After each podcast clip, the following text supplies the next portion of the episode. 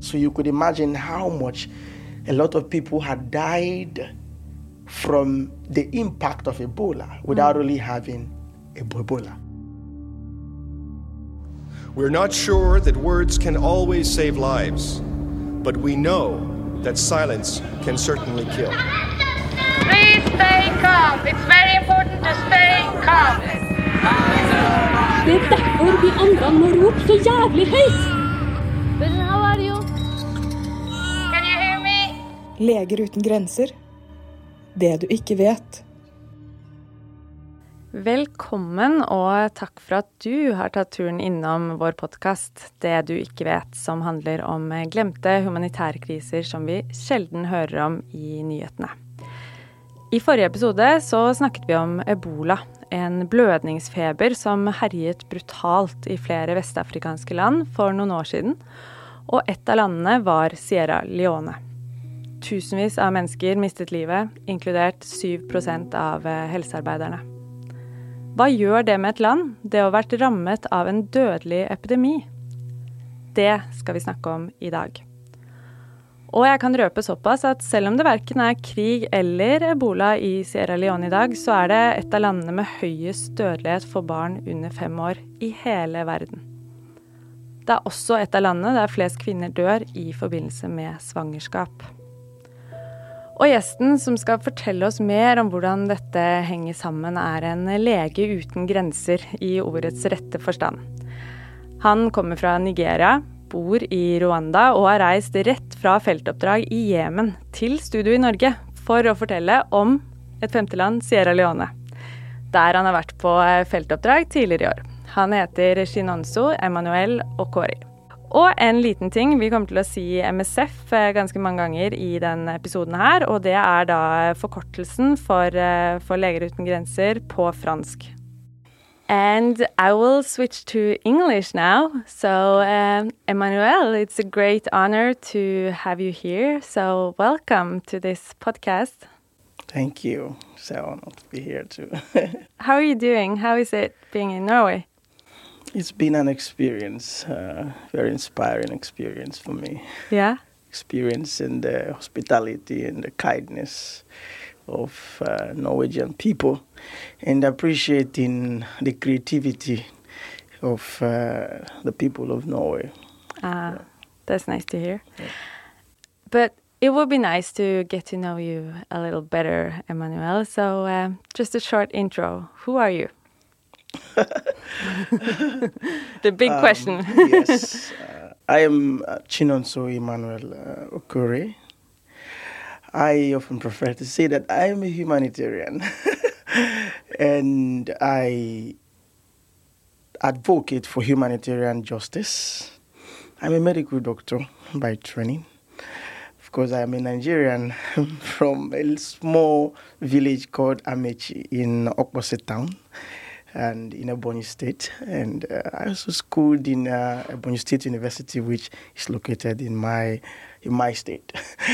uh, then I have been working with MSF since 2015, and um, it's been an experience uh, having to enjoy being a humanitarian and learning how to be and how to serve as one. Yeah, that's it. nice. And now you you come just from uh, the field in Yemen. Yes. What are you doing there? Thank you. I am a medical activity manager for Mocha, the Mocha project in Yemen.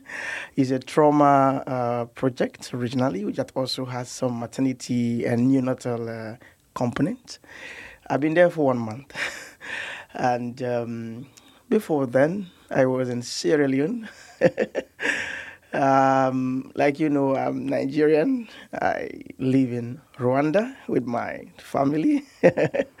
and I also did my master's degree in Rwanda at the University of Global Health Equity, where I got a very strong training on uh, social justice uh, when it comes to global health delivery. So that's yeah. more about me, yes. And social justice is a very is very close to your heart as well, uh, as I know. Uh, and uh, I also pointed out this in the intro in in Norwegian that you're a real doctor without borders. I would say. Uh, so I just wonder what made you decide to do exactly that, to cross borders, to give healthcare to others. oh, thank you for the question. The truth is, I have always wanted to explore humanity and learn about people from them. It's one thing to read about people from the perspective of others. But I discovered that when I get to meet the people that I was told about, I have a lot to unlearn from what I have learned about them, and I have a lot to start to learn. So I begin to see them from their own lens. I begin to appreciate them and their culture and their ingenuity and what uh, their value from their own perspective. And people from different parts of the, of the world get to become vulnerable due to wars, due to poverty, due to a whole lot of things. But how people experience these things and how they respond to it and the kind of needs they have differ. And I have always wanted to build capacity around being parts of uh, the community and the population of vulnerable people, learning about them, understanding them from their own perspective, and knowing how to be part of creating solutions for their struggles and challenges. And in the process, the most important thing for me is meeting them. And secondly, having to learn how they want to be served. It's one thing to serve people the way we think, it's another thing to serve them the way they want to be served. It's one thing to perceive what's their need, it's another thing to know what's their need from their perspective. So, this is what inspires me to want to go to countries. You think that's uh, important uh, to be to be present there and then, the proximity of, of the the Doctors Act as well, right? Yes, uh, because there's something about proximity and presence because it has a lot to do with connection, connecting with people. People are real, people are people. And you would also come to appreciate what you need to appreciate about them because people are not their vulnerabilities. People are still people, they have their ingenuity in the midst of their vulnerabilities.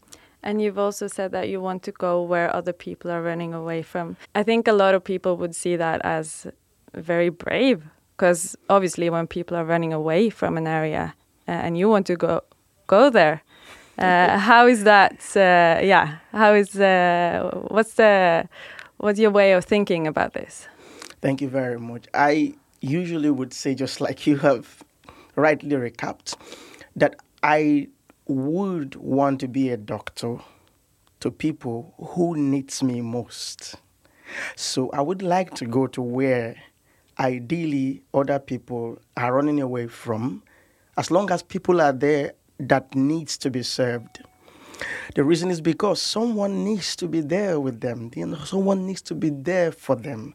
Someone needs to serve them. When people are somewhere, trapped because of a disaster, trapped somewhere because of uh, the maybe violence or some conflict or some epidemic or for whatever reason, if they are somewhere, they need people to show them solidarity, to to to be human with them. It's about the sharing of humanity and being there for them is something I've always wanted to do. So I have a passion not for things. I have a passion for people, for vulnerable people. That's another way I say it. And the only way I can demonstrate my passion for vulnerable people is to be where they are. Um, the topic for this uh, conversation is uh, the current situation in Sierra Leone, but I just want to take a little step back before before we go there because we talked a lot about the Ebola outbreak in the last episode, and um, at the point of the outbreak, you were in Nigeria, right? Yes. And uh, uh, how do you remember this uh, epidemic, and and did it affect you or uh, someone you know in any way? Thank you very much. Uh, I was a medical student when uh, it happened. It, it, wasn't just a Sierra Leone thing, it was a West African thing. And uh, when it happened, of course, Ebola is uh, is a viral hemorrhagic fever, just uh, like Lassa fever that we know a bit in, in we know in Nigeria as actually endemic in my own state. Oh. So to a large extent, we have an idea what uh, there could be going through, but just that when Ebola came, it was really heavy, and it was heavy on Sierra Leone, Liberia, and so. And one thing was that I have a direct connection with it, not by myself, but a nurse that trained in my school, Ebonyi State University, was one of the heroes. We lost her of fighting Ebola in Nigeria. The, she was working in, in a hospital where the first Ebola patient that entered Nigeria came to get health uh, health care. Uh, I think you might have a lot about Dr. Adadevoh, the lady doctor who really helped to handle it. She's our hero. She's the global health hero for Nigeria. Uh, but then this nurse that I talked about has a direct connection with my institution. She trained in my school and uh, that's one thing. But mm. one key thing I would like to say is that uh, Sierra Leone was barely few years just coming out of uh, a gruesome uh, civil war. You know that they lost a lot, just barely trying to, barely recovering from the war, and then the Ebola hits, and what the way I would describe the impact of the Ebola uh, outbreak, um, uh, epidemic, of course, uh, on Sierra Leone was what I could describe as an ebolarization of the Sierra Leone health system, and of course, and the West African uh, health system as a region. Okay. But well, well sorry, what does that mean? Uh, if you can just explain what okay. ebolarization, what is that? Okay. Um, to say ebolarization, I'm trying to kind to coin a word to describe how Ebola impacted every pillar of the health system, every component, every aspect of the health system, and of course, beyond even the health system of Sierra Leone as a country. It impacted the, the socio-economic status of the country, it affected the politics, it affected, um, it, it impacted the economy, the social structures, it impacted the mental health, you know, uh, the, the, the corporate. Uh, mental health of the people.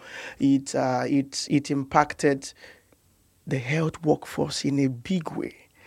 They already had a weak health system, and this was hard hit again. And you could imagine they lost a lot of health workers. Most of their the health services were already they had little resources, catering for a large need an overwhelming need, and then the Ebola came. And then all the resources was now being channeled. So it's as if the Ebola outbreak, response to the Ebola outbreak, sucked an already drained health system. It drained all the resources towards the Ebola, and yet a lot of people lost their lives. A lot of health workers lost their lives. So you could see that people from other regions of uh, West Africa had to send in. Of course, the international community also had to come in. So, so you could imagine that even as I'm talking to you now, the shadows of the Ebolaization impact is still there. Mm. We need to talk more about that. It's very interesting. What what what is the consequence of that kind of when when a health system gets focused on just one disease or one health issue? What about all the other patients, the non-Ebola patients, like yeah, women giving birth, measles patients, etc. What is being done to fight the Ebola was became the only thing to be measured as the success of the health system of uh, of Sierra Leone and other countries that were impacted. And what this meant was that the delivery of health services to children that has malaria, that has pneumonias, that has uh, HIV and other things, were abandoned. The supply chain structure, you know, that is intended to deliver medicines, allow malaria and some other things, and particularly the health workforce that were already little, that were already scarce, that were helping to provide these services, were mostly rechanneled into helping to handle the Ebola crisis. So there was a neglect of the health needs of children, the health needs of women who had to give birth, and also very important to mention, you know, the Ebola has its own symptoms that it shows, perhaps, for instance, bleedings. A lot of women who probably would normally would have a normal um, postpartum hemorrhage, intrapartum hemorrhage, like bleeding during pregnancy or even normal bleeding that which is normal, yeah. Exactly. Mm. Could easily be explained as this woman is having Ebola. And mm. most times the fear in the air around health workers, they could abandon these women.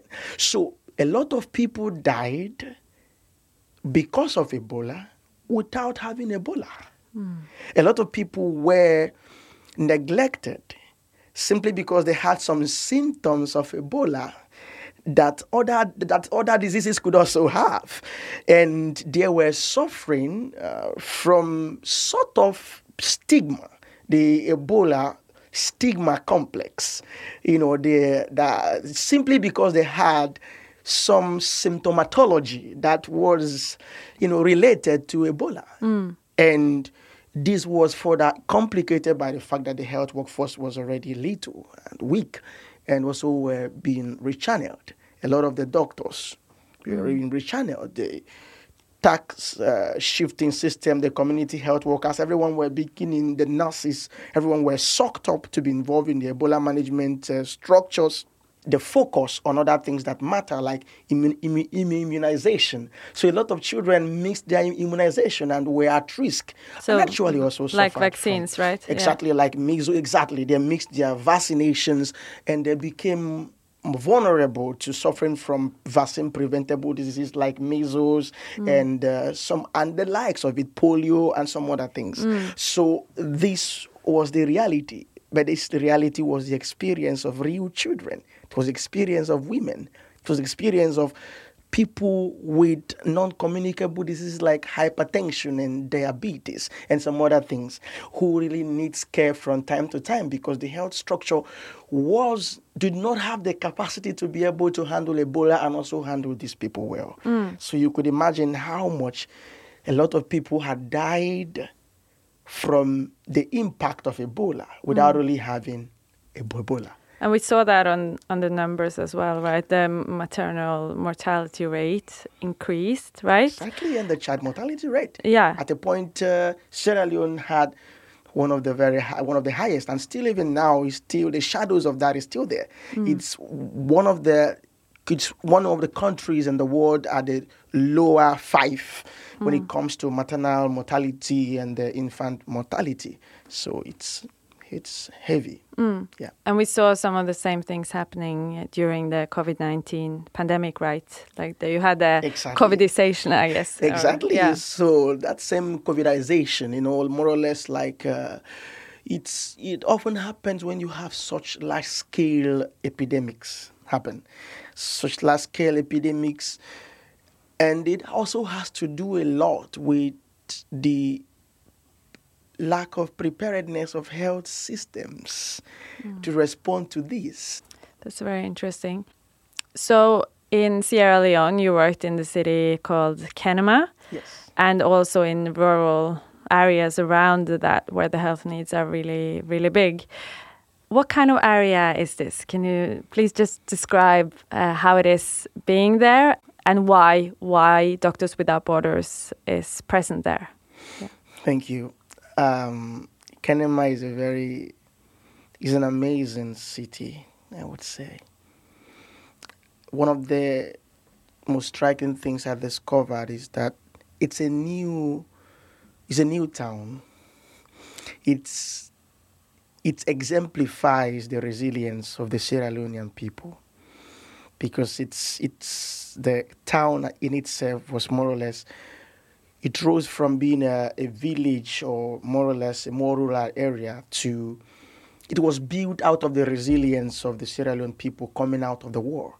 most of the houses you find there were built in the last five to six years. So you could imagine people who came out of the villages just trying to find a way to establish themselves and have a life. Um, you could see them raise things, build things for themselves in a way. Coming out of war, you know, it's not easy where you've lost everything, your livelihood, you lost track of who you are almost. Yeah. and then they were able to build things. So Kenema is a very beautiful place. Uh, yes, there's still poverty there. The literacy rate may not be as high, but it's largely a very amazing place. And one key thing, the reason why MSF is there, is that Kenema has two key things. It's one of the regions uh, of Sierra Leone where the Lassa fever is endemic. It's also where they have the, um, the the laboratory that could test for viral hemorrhagic fever, particularly Lassa fe- fe- fever, because after the response of MSF during the time, they had to establish that there. Ah, and So- Lassa fever, sorry, but Lassa fever is called the Ebola's little brother, right? More or less, yes, because it's uh, both Ebola and uh, viral um, and uh, Lassa fever. They are all viral hemorrhagic fever. So the Mm. bleeding present fever, yeah, yeah. exactly. That's a very simple way to call them. Now and um, so it's an area that has been that was also hardly hit because a lot of health workers in the in the Kenema government hos- hospital, which is the referral hospital serving that the Kenema district and other um, uh, villages and towns around the, the area, a lot of health workers, key health workers, lost their lives. So you could see that a key structure of, he- of the health system, which is the health workforce in Kenema, was depleted. And you could notice this because I was surprised to go there and I found a lot of Nigerian doctors manning a lot of hospitals in that area. And I was like, hmm. but I feel home, yeah. Yes, but one key thing I must comment on is that they are very grateful to MSF a lot Mm. because MSF has been part of their lives for a long time. I think since 1986, if I'm if I'm right, I have to check again. Yeah. So, but MSF has been part of their lives in a lot of ways. So, I think this this this is this is these are the few things I can say Mm. for now. Yeah. I know that you've uh, met uh, many patients. Uh, we like to talk about uh, patients, individuals in this podcast because they often represent a crisis and they they're in the middle of a life crisis themselves. And I know that you've uh, met many of those people, especially children and mothers. Um, so, would you like to share uh, one of the stories that you carry with you? Yes. You will permit me to tell the stories in two ways the Yeah. systemic and the individual. One thing I loved is that I saw a project that MSF was doing with the communities of Sierra Leone that was not just like an emergency response, but it was more or less like a development project. MSF built a hospital. That was amazing.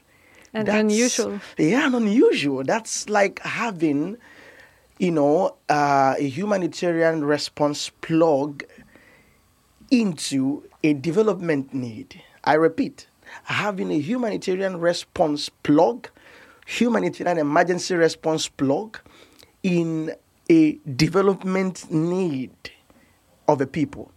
So MSF built, first of all, the pediatric hospital. And then before I just left, they established the maternity.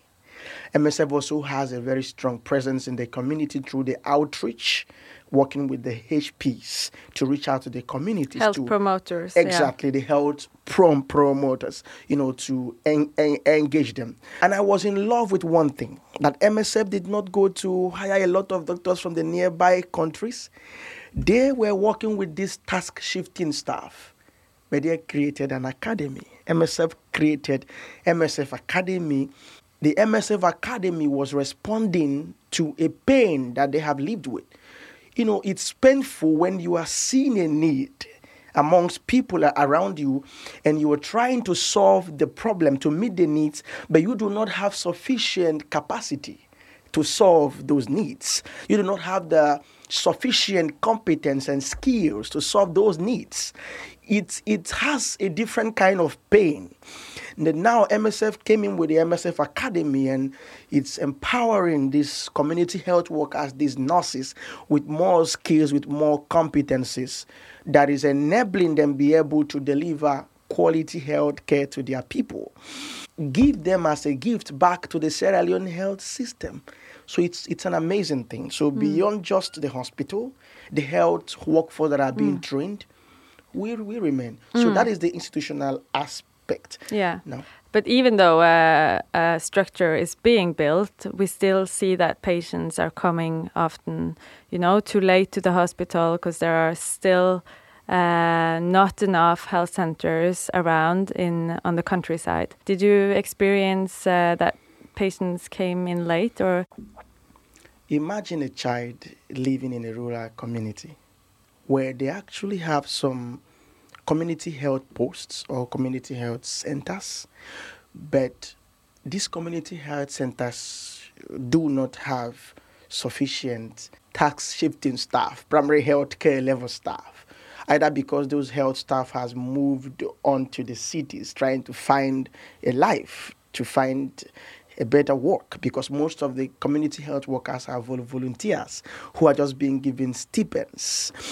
Now, a child falls sick and goes to a primary health care center. And probably they find a health worker, maybe just one person who is trying to do everything, doing delivery for women, doing uh, health care for children, doing health care for the elderly, for adults generally. And uh, it's, it is a lot, this person handling. And then they go there, and there is no medications the appropriate medications for this child to be attended to. I'm trying to let's go by the imagination of the Yeah. reality of the experience of people getting access to health care in this context.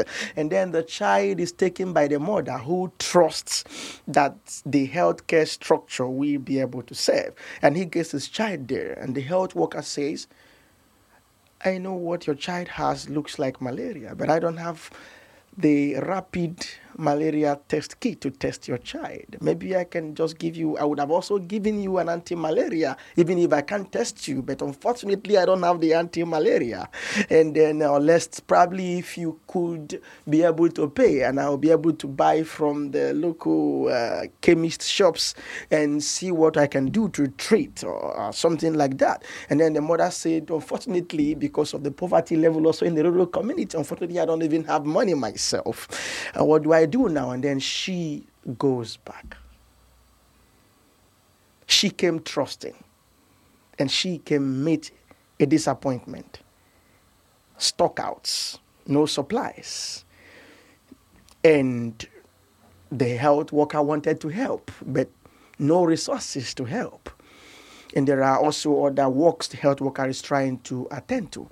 And then the woman goes back home, and then she gets back home, and there are what we call traditional uh, healers who use herbs. Some of these herbs, nobody knows what it contains. Some of them does contain some medicinal active ingredients, but also contain some other ingredients that are like poisons that could cause liver liver damage, could cause kidney failures, and uh, could also lead to some kind of multi-organ damage in some ways.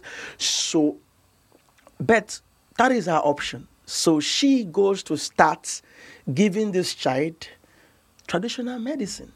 And then three days later, she or one week later, she discovered the child is white, is pale, is getting weaker, begins to convulse. The malaria is overwhelming the child, for instance. And then she carries her child, goes to the to the to the community clinic again and say, My child is getting worse. What do I do? And then they say, you know what, you can move up. MSF is somewhere in Kenema. And she has to look for a way to find a transport if she if the place where she is is not where MSF uh, uh, community uh, outreach workers are. She finds uh, a motorcycle, travels. If she is not unlucky to live where she needs to use a boat to cross, and she travels down to the MSF clinic and finds hope. She is received, and we get to receive this child. And that brings me to the individual now, and brings me to a very typical case we had of a mother who is deaf and dumb. Og jeg bare bryter inn litt her, kjære lytter. Når eh, Emanuel sier 'deaf and dumb mother', så mener han at moren i denne historien er det man kalte i gamle dager døvstum. Altså at hun ikke har særlig mulighet til å uttrykke seg på et språk som andre forstår. Det være seg tegnspråk eller annet. Coming to us, arriving to us with a child that has a congenital uh, malformation called microcephaly, small head, you know, and which often comes with uh, other kind of a brain yes, damage. more or less like the child ultimately would have uh, often severe uh, mental retar- retardation, would never have uh, fully developed brain functions, and would be defected in, in a whole number of ways. But of course, a child is still a child, even if he's had some congenital malf- malformations in some way. So this mother arrived. She's a deaf and dumb mother, doesn't speak, doesn't hear, just she doesn't have any formal training in sign language. People around us who does not have. Now she arrives in our hospital with a child that is paper white, convulsing, hot, like has a fever. And then we receive this child, typical. Um, not the real name of the child, but I will call him Kamara. So Kamara is brought in with a deaf and dumb mother like that, and then they rushed him in, and we receive him, and we triaged him as a red case, and rushed him straight into our emergency room. And we do a test quickly. Within seconds, we do all these things. The test is done, the uh, convulsions is handled, history is being taken at the same time, uh, the team working together, everyone doing their own part. Blood samples are being sent to, to the lab because we have a very functional lab there that MSF built. Then you're getting blood ready, they are handling the convulsions, and then we are, uh, oxygen is started. At the end, this child was resuscitated in the red zone of our emergency room by the local staff, supported by the expert medical doctors. And then he stabilized, and then within hours, he is being transferred to our intensive care units. Which is also a very nice one, uh, about 18 uh, bed capacity intensive care units. And then he stays there. For this particular child, he had many days still in coma. And that is serious then. Yes, and this is malaria, cerebral malaria. Complete. It's, it's, it's a complicated kind of malaria that affects the brain. Yeah. And you are talking about a child who already had a brain, you know, a cerebral Damage. insult congenitally, now being further impacted by malaria, handling the same brain again, and apart from other things. But however, has been transfused, the blood level is back to normal, but then still in coma in some ways, and then still had some convulsions for a, a number of days, but was stabilized, and then he was also incidentally discovered to have pneumonia, and that was also being treated.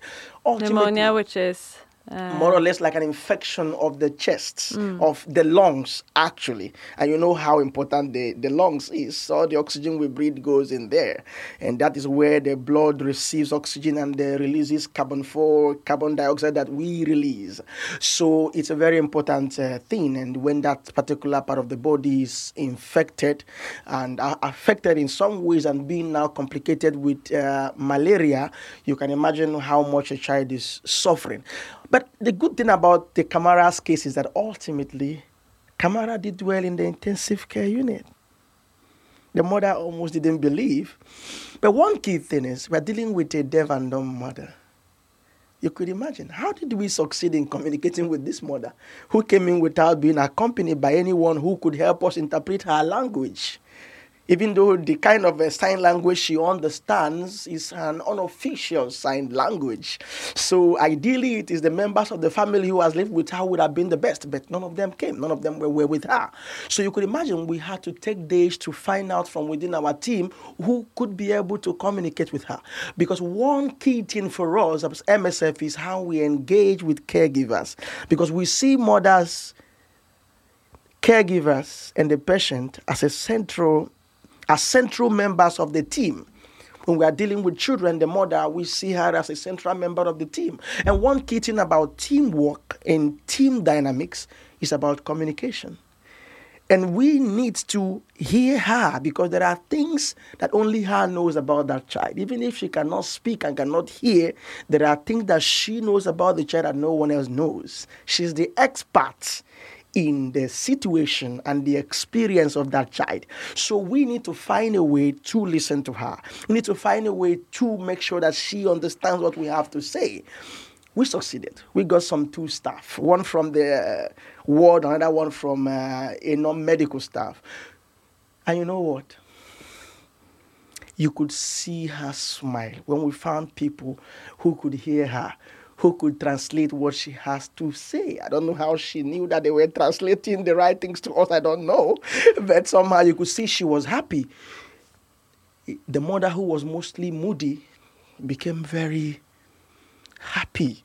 She was beginning to connect better with the team, and we could be able to explain a little bit to her what we are dealing with, the stages, what we've been able to do, what we met in, in the child. Now, one key thing is that ultimately this child got well was also a minority child, so was now transferred to the malnutrition ward, mm. where incidentally I was the doctor of the malnutrition ward then. But you know, in the malnutrition ward, we also engaged her in malnutrition care. We got to have time to talk with the mother. And ultimately, the child did well. You know, the most beautiful thing I saw was the first day that the child smiled in the ICU. And then seeing him retain that smile in the malnutrition care ward more and the way he now looks at his mother and began, he was beginning to recognize us. For instance, normally I love children and I love to play with children. I play with him a lot. And each time I entered the ward, I noticed that he recognized my voice. He will ah. look in my direction because my voice can be very loud. Yeah. Look in my direction and he will smile. it's it's amazing. But I will move straight to when we were discharging this child. When we were now to discharge this child, this child came out, but we had to now get our health pro promotion team and our outreach team to accompany her back home. Because what we had to say about this child and about how to care for this child at home we needed to explain it to the family of the woman so that because they are the one who her support at home. So we had to send our team. We took them in the in the in the car and took them back to the community. And then we also agreed on the key messages we are going to pass across to the com- community people. And then we got a shock of our life. We discovered at the community level, they misunderstood the condition, the congenital condition of this child. Sorry to say, but this was the reality. They were looking at this child as the devil, sort of like a child not being a normal child in some ways, maybe coming out of uh, some kind of uh, I don't know, can't find the right words. So, but they had a view of this child that was not very humane, and it determined their attitude to the mother, and which also, you know, they told her like the child suffers some kind of rejection from the community, which rippled into the way the child, the mother was also caring for this child, but a mother will always be a mother. She was still trying to give her best, but all around her was the air of rejection about this child. All around her was the message about what why are you even caring for this child? This child might not be anything ultimately, but neglecting the fact that she needs to learn motherhood through the opportunity to care for this child still. So, but ultimately, our team heard about this and had to explain the congenital condition of this child to the community. So, we went to meet the family, but we ended up meeting the family and meeting the community. And the community recognized MSF because during the Ebola time, MSF was around to help save a lot of lives. So they were there and they welcomed us. And it was a good time. Our team, once again, you know, helped to listen to them and to also re-inform them and about the child. And this same child was loved. So you could see what it means to help send love back win back love for this child that has been suffering rejection. That's really nice. Thank you for sharing it. thank and uh, Kamara suffered from malaria, and malaria Yes, is, and is the biggest. Uh, yeah, and but also malaria is the biggest killer in Sierra Leone, I think, and uh, at least for for children, it's it's the disease that takes uh, the most lives. Um, and I also know that you have a very personal experience yourself with m- malaria. Would you like to to share that story with us? Thank you. Yes, I have a, a direct connection uh, with the story of this young man. I had malaria at a very young age. Um, when it happened, I am from a village, a small village called Amechi, and the only hospital we have is owned by a midwife. Originally, she's just a midwife, but because of the need around her, she has to also act like a nurse and became also the doctor of everyone. but she may not always have all the right medications every every time. And unfortunately, when I had malaria, I was unfortunate that she did not have the appropriate medicine to help me.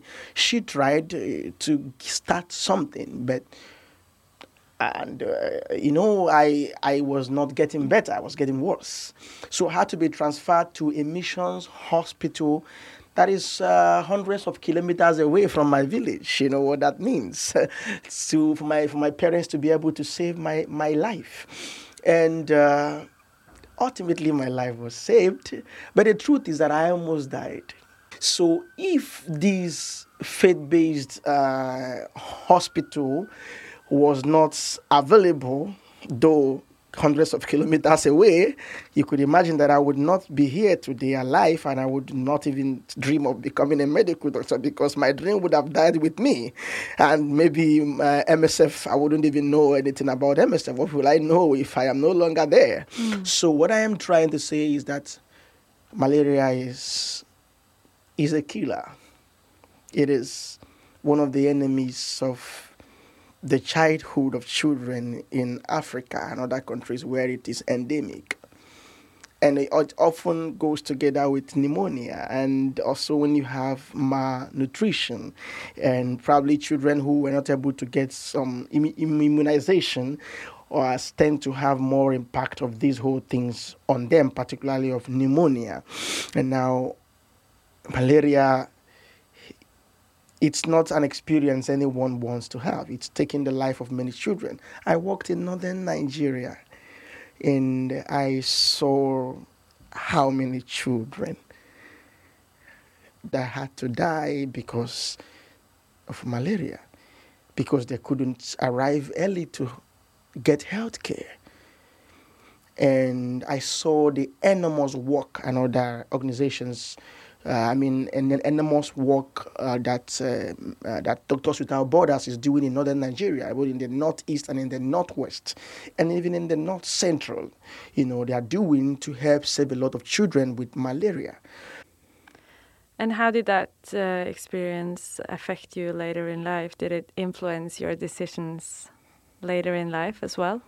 Yes, the unfortunate thing about global health generally, or just health care and health global health systems, is unfortunately where we have the greatest need is where we have the least resources available, or where we have the least the least sustenance of supply of health products and medicines. Where we have the greatest need in the rurals, in uh,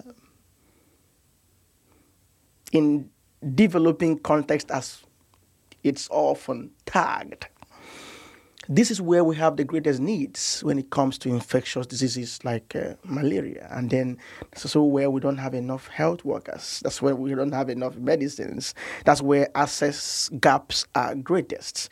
Even though still, as you go further, you could also see people uh, around uh, what I may call uh, at the suburbs around ci- cities. They are also they also suffer a lot from the impact of. Uh, of uh, lack of access to healthcare because they are living in informal settings where the provisions and the budget for the cities often do not so a lot of things also they also get to suffer. I'm also I also have a very strong passion for people living in slums of cities.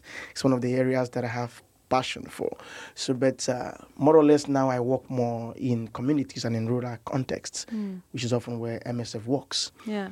So, So this experience affected you in that It- way that you started impacted, you yes. started working with uh, the same kind of patients that you once were uh, and uh, and also when you see this that in communities that uh, that people are sick from malaria or pneumonia and they don't have access to very simple medicines what does that make you feel I'll, I'll, be it, I'll describe it with two languages. What they need is available. But you see, making it available where they need it. I feel anger. I feel pain. I feel burdened. And it's driving me to look for who is doing something about it. And that was how I found MSF. I found MSF in 2015. I went to Sokoto State in the northwestern Nigeria, one of the one of the states with the highest uh, maternal mortality indices in Nigeria, with one of the worst child mortality indices in Nigeria. That's where I went to serve in the midst of the Boko Haram crisis. Uh, it wasn't an easy decision. People around me were like, "Are you sure you are okay going to such place to go to serve?" Boko Haram is Yes. uh, armed uh, and a whole lot of things. And this was where I heard about MSF. I saw hospital, Goronyo General Hospital. MSF had a malnutrition ward and a full hospital support system there. When I went there, MSF had left, but the malnutrition care ward where they used was still working, was still being manned by nurses and a doctor. So when I visited that place, what I saw on ground made me love MSF inspired me to look for MSF. So in the middle of my service year, I finished work one day. I like to tell this story a lot. And I traveled 200 plus kilometers to the city of Sokoto. And I went straight to MSF office. I knew no one there. And I knocked on the gate and I told the security I want to see the health. I didn't know what, what they are called, that they were called the health coordinator or something. So I want to see the head of health. But then what helped me is that I told him that I'm a medical doctor and I'm here to see the head of health. So the security said, okay, give me time. He went up. Thank God MSF, they are always kind to people and they always want to receive people. If not, they would have chased me away, not knowing how far I came to see them. And I went in and I saw this Liberian woman, I can't remember her name, and she sat and she said, Yes, who are you? And I said, I'm Chinonso, I'm this, this. That I believe I'll work with MSF in the next six months you know the, the shock as in how would you how, how do you mean? I said i just believe. And i came to know how. How do i prepare myself to be part of msf and to be part of what msf is doing in this country and beyond? And she smiled and then she laughed. Because you know it is funny. There is a, there's a whole lot of mixture of feelings a mixture of emotions at that moment. And she was looking at me and she saw that i was serious and i was serious because i was raised by, by parents who taught me to go for what i what i need to go for and i was given a very strong foundations on social justice by my father who modeled it and i also had a strong foundation of faith from my mother who believed a lot in me and who believed I can be anything, anywhere, and that I should just keep going. That's what she often tells me. So ultimately, they listened to me. They told me there will be a training on cholera uh, emergency preparedness because they also had a unit called Nas- uh, the Nigerian Emergency Response Unit that was then the medical team leader was Dr. Kennedy Uadiale. He's currently in Bangladesh. He's the health coordinator there. He's my mentor. Oh. He he. It's very emotional to me. He's been a support structure. I love him. I hope he listens to this. Yes. so they had a training on cholera emergency preparedness. I applied like any other person and I was selected. I got the, the, the training. Ultimately, getting the training means that I'm now in the pool for being called upon to respond to any cholera out, outbreak. This was more or less the beginning of my working with MSF. Emmanuel, you're also here in Norway, not only be- um, because you're going to attend this podcast, but also because it's the TV-aksjonen this week when we're recording this, where the funds are raised for Sierra Leone, among other countries. And TV-aksjonen is in many ways about uh, a better future, a better tomorrow. Uh, so, uh, speaking of that, uh, what's your? Are you optimistic about the future of healthcare in Sierra Leone?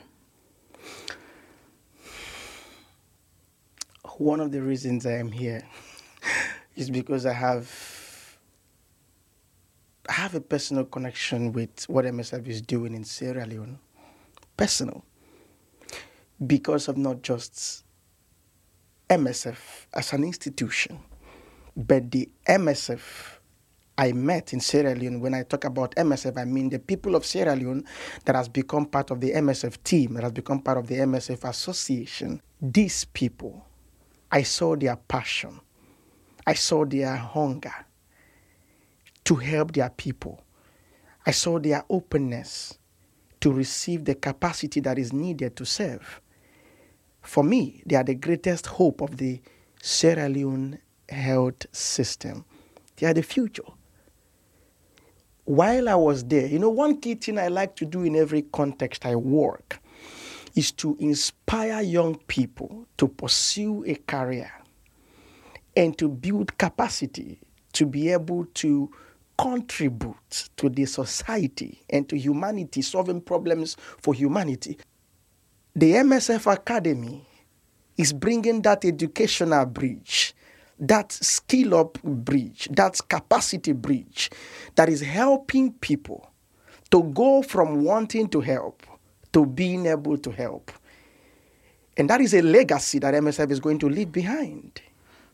The legacy of a capacitated, skilled up, already motivated, and committed health workforce who are Sierra Leoneans, who currently are also the very foundation and the drivers of what MSF is doing in Sierra Leone. We, as experts, are just support systems for them. We are just there as their cheerleaders. We're just there to, you know, help them better you know, appreciate and enjoy the learning process, the training process, and the work that is happening at the same time. Then, secondly, the fact that MSF built an, an institution that would become an exemplar that has a standard that is known, a quality standard that is known, that has a capacity standard that is known and recognized and appreciated by the people of Sierra Leone. And this structure, this institution, will, be, will become part of the Sierra Leone health system, even after MSF must have left. Thank you so much, uh, Emmanuel. For thank you so much for joining us here today. It's uh, truly been my pleasure talking to you, and I'm sure it's been a pleasure listening to you for our audience as well. And I wish you also a safe trip back to Yemen. Thank you. Thank you. Så til slutt vil jeg takke Acast, som stiller med sitt nylige studio her i Oslo. Jeg vil takke Paul Jæger på klipp, og makker og medprodusent Marion Mossing. Jeg heter Benikte Sørum, og sier også hjertelig takk til deg som lyttet. Vi tar en liten pause de neste ukene, men vi vet jo at kriser de fortsetter, og vi skal fortsette å si fra om det vi mener flere bør snakke om. Så det ligger absolutt an til at du hører fra oss igjen veldig snart. Ta vare inn i høsten, og så høres vi.